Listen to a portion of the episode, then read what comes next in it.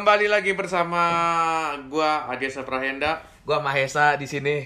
di podcast AM Brother. Yoi. Kali ini episode ketiga, gue bakalan kita berdua sih bahas ya, you know lah Silverstone penuh dengan drama sampai hari ini sih dramanya sih lagi mereda, tapi bahasannya sih tetap apa itu?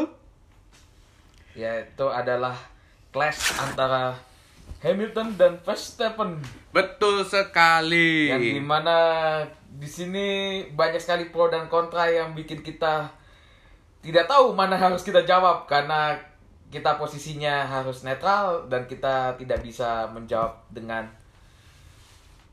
Dengan apa? dengan cukup hati-hati ya. Karena ini berbahaya sekali topiknya. Tapi so far ya udahlah yang lalu biar lalu tapi walaupun seperti itu sepertinya ini hangat-hangat banget nih karena kalau nggak dibahas pasti akan merujuk untuk ke race berikutnya di Iya. Hungaria Benar sekali karena di Hongaria nanti Red Bull bakal mati-matian balas dendam ke Mercedes. Tapi selebihnya gue akan bahas tidak bahas soal isu rasial ke Hamilton. Entah fans Verstappen yang ngamuk-ngamuk ke Hamilton dan segala. dengan Oh, ada petisi eh, pelempar tomat pada saat GP Belanda nanti itu menurut gua itu itu udah- nggak itu nggak bagus sebenarnya. Janganlah gue bilang kayak gitu. It's unfair lah gue bilang. Ntar tambah ribut lagi. Lebih tapi yang jelas lah. tapi yang jelas lagi gue akan bahas apa yang terjadi kemarin itu sebenarnya sih kemarin unpredictable banget ya balapan berlangsung seru Eh, Mercedes dan Red Bull emang sangat-sangat imba di Silverstone terutama di sektor T1 dan T2 sebenarnya sih gue suka banget balapan ini tapi yang jadi masalah adalah saat di mana eh, lap kedua lap tepatnya kedua pada saat itu Verstappen dan Hamilton sedang berusaha untuk dapat posisi satu. Memang jujur em, Red Bull sendiri mobilnya emang lebih kedodoran secara engine mesin, tapi Mercedes pun juga nggak mau kalah. Ya otomatis yang berdua saling nggak mau kalah kan. Sementara itu si eh, Verstappen sendiri berusaha untuk mengamankan posisinya dengan cara-cara yang memang gue pikir emang dasar khasnya Verstappen memang dari keluarganya juga dari bokapnya juga gayanya seperti itu liar, nakal, brutal dan agresif banget.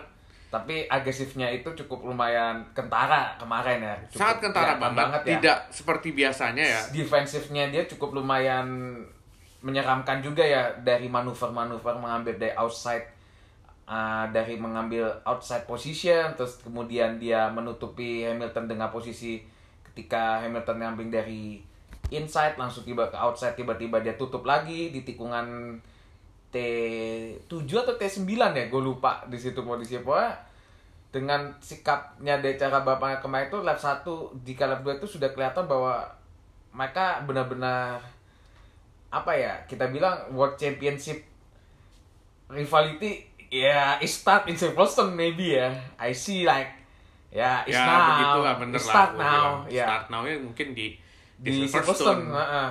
Tapi Walau- tapi yang gue pikir adalah Ah.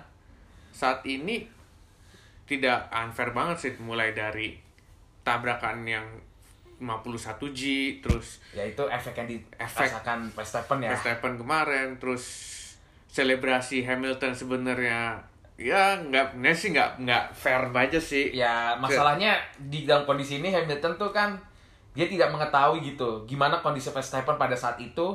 Dan ini kan seperti coming home ya kalau ibarat kata Euro Inggris udah kalah nggak bawa piala. Nah ini kan saatnya Inggris bersuka cita lah akhirnya Hamilton juara di di race home race-nya dia dan di tempat kelahirannya dia. Dan menurut gua ya dia fair fair aja untuk melakukan selebrasi itu. Soalnya dia telah membuktikan bahwa I can win in my home gitu loh. Tapi ya mungkin setelah itu dia diberitahu oleh tim dari uh, Mercedes bahwa ini kondisi Max Verstappen di rumah sakit seperti ini mungkin abis itu Hamilton meredakan segala macamnya. Kan kita tidak tahu lah dalam kondisi itu. Tapi yang jelas uh, dari sisi fans Max dan Max sendiri dari captionnya di Instagram tuh cukup lumayan serem juga ya maksudnya cukup lumayan ya membuktikan apa ya mengatakan Ada ini kekecewaan. Iya kekecewaannya cukup lumayan besar ya. ya kekecewaannya Ah. dari Verstappen dia bilang katanya eh lu kok bikin selebrasi gua kan lagi di rumah sakit lu lagi nabrak gua kok makan gini ibaratnya kayak orang Betawi bilang eh tong gua lagi di rumah sakit lagi sakit sakit lu malah senang senang Malah baik happy-happy lu ya, ya. happy happy lu ah Ya, Walah. ya kayak kayak begitulah yang gue bilang Nah, sebenarnya. itu yang terjadi kontranya gitu kan. Perang kontes sendiri padahal kenyataannya Iya. sendiri adalah perang psikolog perang ini terjadi karena memang ya si Totonya juga mulai mulai berusaha untuk ya bujuk FIA untuk bla bla bla bla ngomong Oh, maksud kondisi kayak gini. seperti meme yang ada di Ya, Twitter dan yang meme, yang meme, meme yang katakan bahwa ya. email-email yang beredar.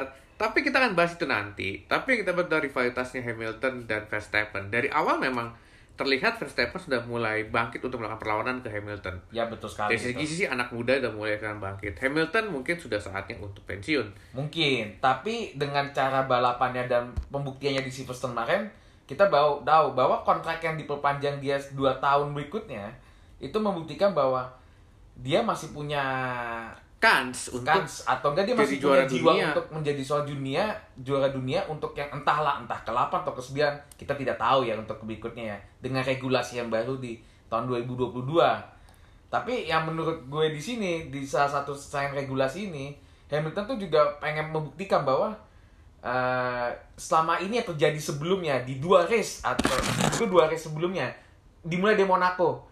Di Azerbaijan dan Monaco yang di mana dia tidak sama sekali duduk di podium yang biasanya duduk di podium.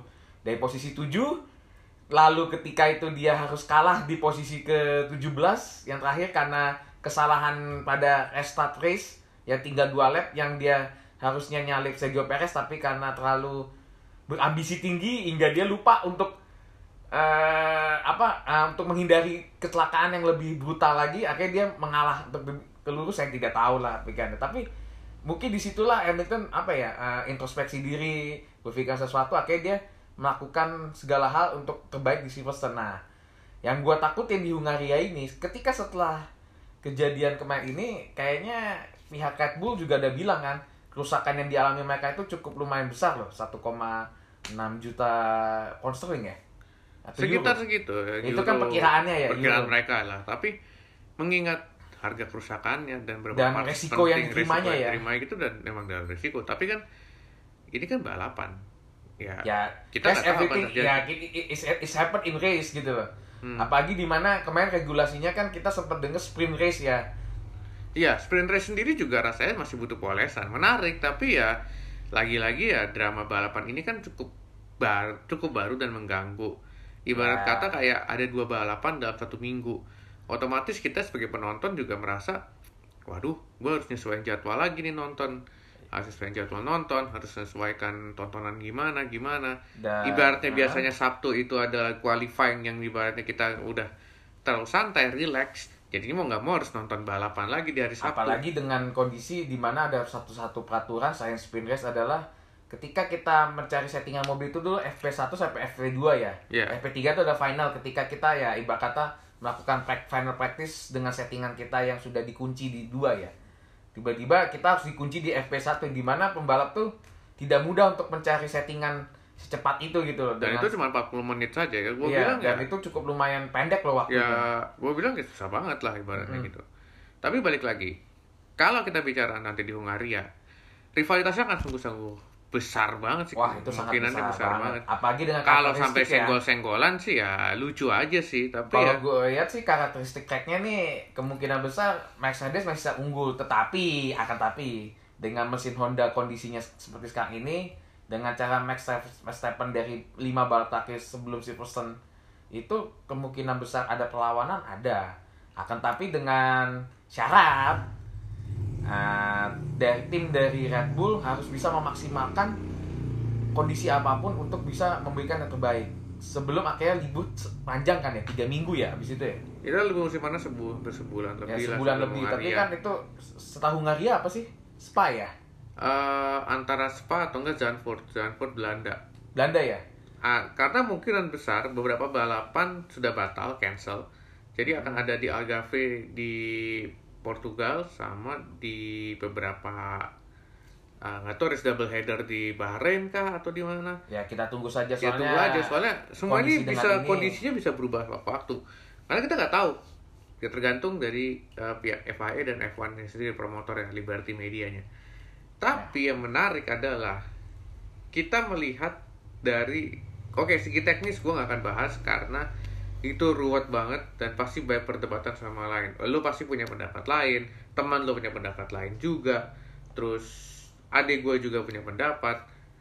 Orang lain pun juga pastinya pendapat juga. Wah, Hamilton yang salah, Hamilton yang benar, Max yang salah, Max yang benar, Hamilton yang salah. Kalau gua lihat secara technically ya, gua nggak tahu ini benar atau enggak. Ini sudut pandang yang gua lihat. Hmm, dari sisi kemarin Hamilton itu dia kan semua pembalap punya racing line masing-masing ya dan style masing-masing. Kemungkinan besar ketika semua eh, racing line itu berubah dari sebuah emosi ya. Ibarat kata ini kan emosi ya.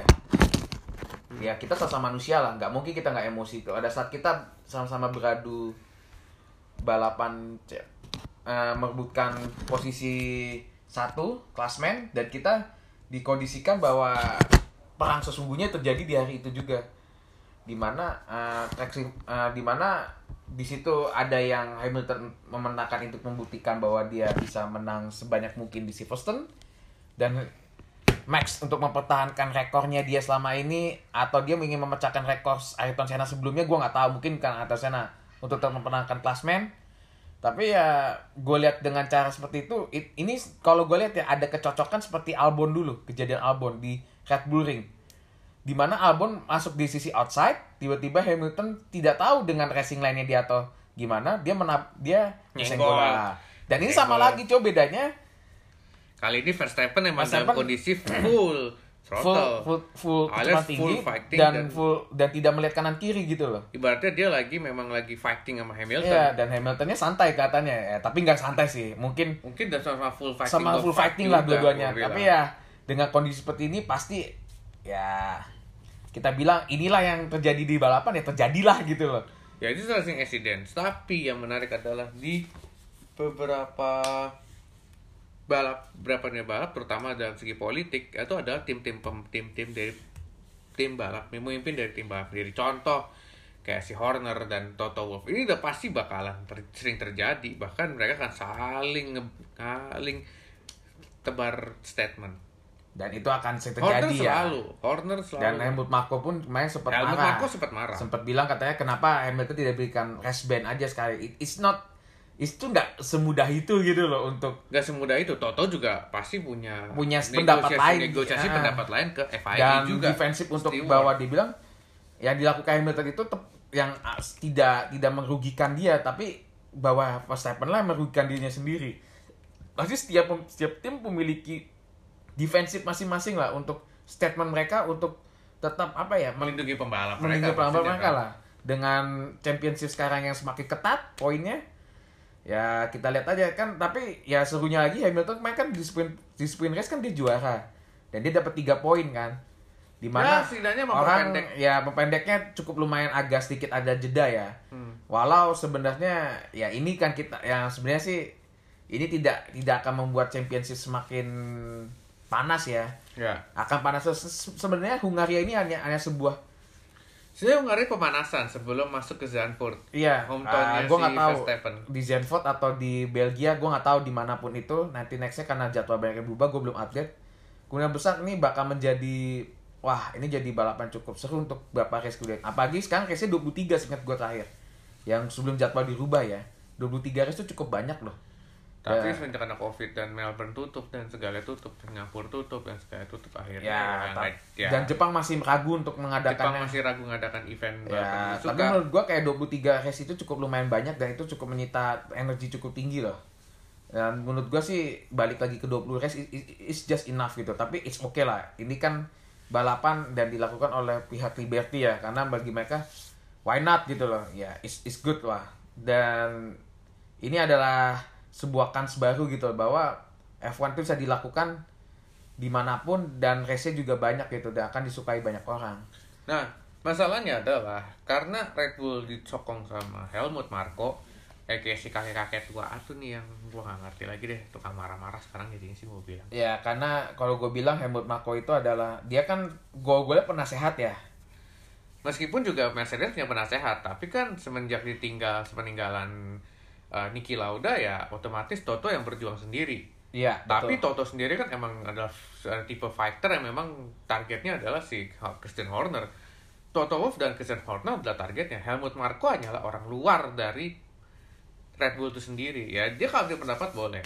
Masalah adalah sekarang di Hungaroring kan, terutama apalagi kasusnya kan sekarang uh, Red Bull mengajukan banding ke atas penalti 10 detik yang diberikan ke Hamilton. Iya betul. Dan itu cukup lumayan mengagetkan ya tiba-tiba Iya. mereka ngeluarin statement yang Statement seperti itu. seperti itu dan Verstappen pun juga kayaknya udah bodo amat lah karena menurut dia begini ya persaingan balapan ya akan sering terjadi terus terus persaingan balapan di sirkuit iya tapi yang panas malah sekarang kan 10 prinsipal timnya kan iya, berarti heeh. Kan kita punya race masih ada 13 race ya kalau nggak salah hitungannya Iya. kalau Hmm. hitungan kasarnya Hmm. dan peluang untuk menjadi juara dunia itu ada di 13 race berikutnya yang salah satu race nya di Hungaria ya Hmm. dan di mana kalau gue lihat dari beberapa media sudah mulai ada eh, gambar-gambar poster antara Max Lewis in Hungaria battle before summer break ya dan meme yang banyak banget dan keluar terus dan makin tambah sangat sengit apalagi banyak micu, picu spekulasi ternyata Toto dulu melindung Hamilton pada tahun 2016 2016 tuh nggak 16. salah ya kita nggak Iya, tahu ya pada saat perang dengan Nico Rosberg pada saat itu ya. Iya, bahwa tapi- itu kesalahan di Hamilton tapi Toto mengirim email ke FIA bahwa ini membela Lewis bahwa dia tidak memiliki kesalahan gitu. Tapi menurut gua itu susah juga untuk menjadikan bukti untuk tahun 2021 gitu karena secara regulasi, secara kejadian dan secara apa pun sudah berbeda sama sudah jauh lah. Tapi yang- itu lah. tapi yang jadi pertanyaan adalah setelah Hungaria kan Zandorf everything kita kan tahu yang terjadi lah. Ya, dan battle-nya kan terus jadi sampai akhir musim. Ya, dan mungkin ya gue nggak tahu lah gimana lah kedua tim bersifat ini. Tapi menariknya adalah kita udah bahas pembalapnya tapi yang kita bahas adalah dua leader dari tim tersebut bersifat tim tersebut Ya. Toto dan, Toto dan- Horner. Horner. Horner seperti tidak puas pusing. hasil. Bahkan dibilangnya dia adalah Karennya F1 tapi Toto sendiri kayak ah gue kan ngedefense pembalap gue di sini. Ya Ya. lama kelamaan ya ini politiknya dua dua principal tim lama-lama. Ya dua pembalap yang gak mau pusing kenapa dia dua principal tim yang saling nyerang kan? Iya, antara mungkin karena Horner tertekan dari biaya kosnya yang cukup lumayan besar ya untuk perbaikan mobilnya Max. Terus kedua dia rugi kehilangan poin yang cukup lumayan banyak untuk construction ya. Dan juga peluang Max untuk juara dunia itu semakin ketat lagi. Nah, di sisi lain juga Toto tetap tetap mengatakan bahwa this is a racing incidents dan kita nggak bisa bilang bahwa Toto itu tidak boleh melakukan defense ke pembalapnya. Karena itulah gunanya prins, eh, apa prinsipal ya ketua Ya, prinsipal ya benar, bahwa mereka prinsipal. adalah saya menentukan strategi strategi eh, dan juga menentukan eh, segala macam di dalam internal tim. Mereka juga harus sebagai leader yang memimpin. Kalau pembalap kita mendapatkan sesuatu hal yang tidak se- sesuai dan tidak pantas mereka akan menjadi pembelanya atau yang utama. Dan pembalap di sini tugasnya hanya untuk menggunakan settingan mobil yang sudah mereka tentukan dan lakukanlah strategi yang apa yang diminta dari kepala tim. intinya adalah gini jadi kayak ya udahlah selesaikan aja secara gentleman atau gimana tapi Ya. ya namanya drama ya pasti dibutuhin exactly terutama buat guide penggemar baru nah ini juga jadi perhatian serius kalau Netflix bisa bikin Drive to Survive season, 4 Wow. Drama seperti ini di tengah. Ini gue Ini rasa ini gua- lebih bagus ini daripada yakin bikin nih- drama buatan-buatan mereka. Gue yakin percaya nih De- Devil Survive season 4 nih ngeliat kejadian ini peluang banget sih, peluang bisnis bagi mereka ya. peluang banget untuk Apalagi naikin Netflix yang ibarat kata lagi sih season ibarat- 3 tuh kayak emang dramanya ada tapi mungkin dengan sistem balapan yang cukup lumayan pendek dan eh, tidak banyak ya karena covid jadi ya Hmm. ya kita lihat drama yang disajikan ya antara kecelakaan-kecelakaan yang ada saja tapi yang saya menurut gue lebih seru lagi adalah di sini Netflix harus bisa mengangkat dari dua sisi yang lebih eh, adil karena apa jika tidak nanti muncul lagi spekulasi lain sehingga eh, selain tayangan ini bisa memicu para prinsipal untuk Gelut lagi lebih- lah. bukan gelut lagi bisa bisa mengembalikan keadaan ke pihak Netflix juga karena bagi gue apa yang terjadi di Netflix apa yang terjadi di real time itu tidak sesuai. Memang betul. ya memang sesuai. Tapi itu namanya kan juga tapi kan TV tapi iya, gitu TV, juga. ya, namanya juga In- serial. intinya adalah ya semoga aja sih eh, tahun musim ini musim paling seru karena ada sprint race terus drama Hamilton versus Verstappen yang akan terus menerus terjadi dan ditambah Russell yang belum jelas nih kapan bakal diumumkan spekulasi yang terus berkembang dari Dan episode ada kemarin. yang mau pindah ke Botas Alfa yang Romeo. bakal ke Alfa Romeo tapi katanya bobonya sudah mulai karena Toto mau carikan tempat seat untuk Botas. Ini kayak this is gambling everything. Ya kayak udahlah. Spekulasi semuanya berubah total. Jadi kita bingung mau ke mana arahnya.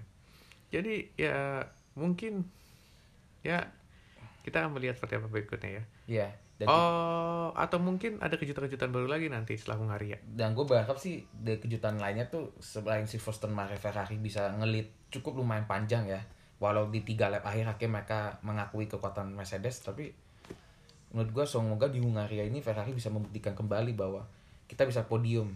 Syukur-syukur lebih bagusnya menang tapi back to the podium is very very good apa ya kayak bagus banget lah itu untuk pihak Ferrari ya Iya, di mana dan- yang kondisinya itu- itu sekarang tuh penting bener-bener kayak itu itu kondisi Belum- yang bener-bener belum belum baik tapi mereka bener-bener bener bisa fighting lah fighting lah dengan pembalap yang gua akui memiliki bakat yang baik gitu dengan kondisi mobil seadanya mereka bisa memaksimalkan walau mereka sendiri mengakui Iya dan Lecter mengakui bahwa mungkin memang bukan tidak bisa. No power, power, no everything. everything gitu lah. Tapi ya oke lah kita melihat Iya. ini pastinya. By the way, eh sudah dulu kita episode kali ini dan sampai jadi episode berikutnya, karena episode berikutnya bakal berbeda lagi. Kita nggak bahas mulu bahas F1, kita bahas NASCAR, bahas Endurance Championship, bahas bahas rally, apa pun tentang dunia balap yang kita bisa bahas kita bahas dan bahasnya bukan dunia balap ya langsung ya pasti ada gosip-gosip tertentu. Dan Oke, apa pun itu. sampai jumpa di episode berikutnya. Ciao.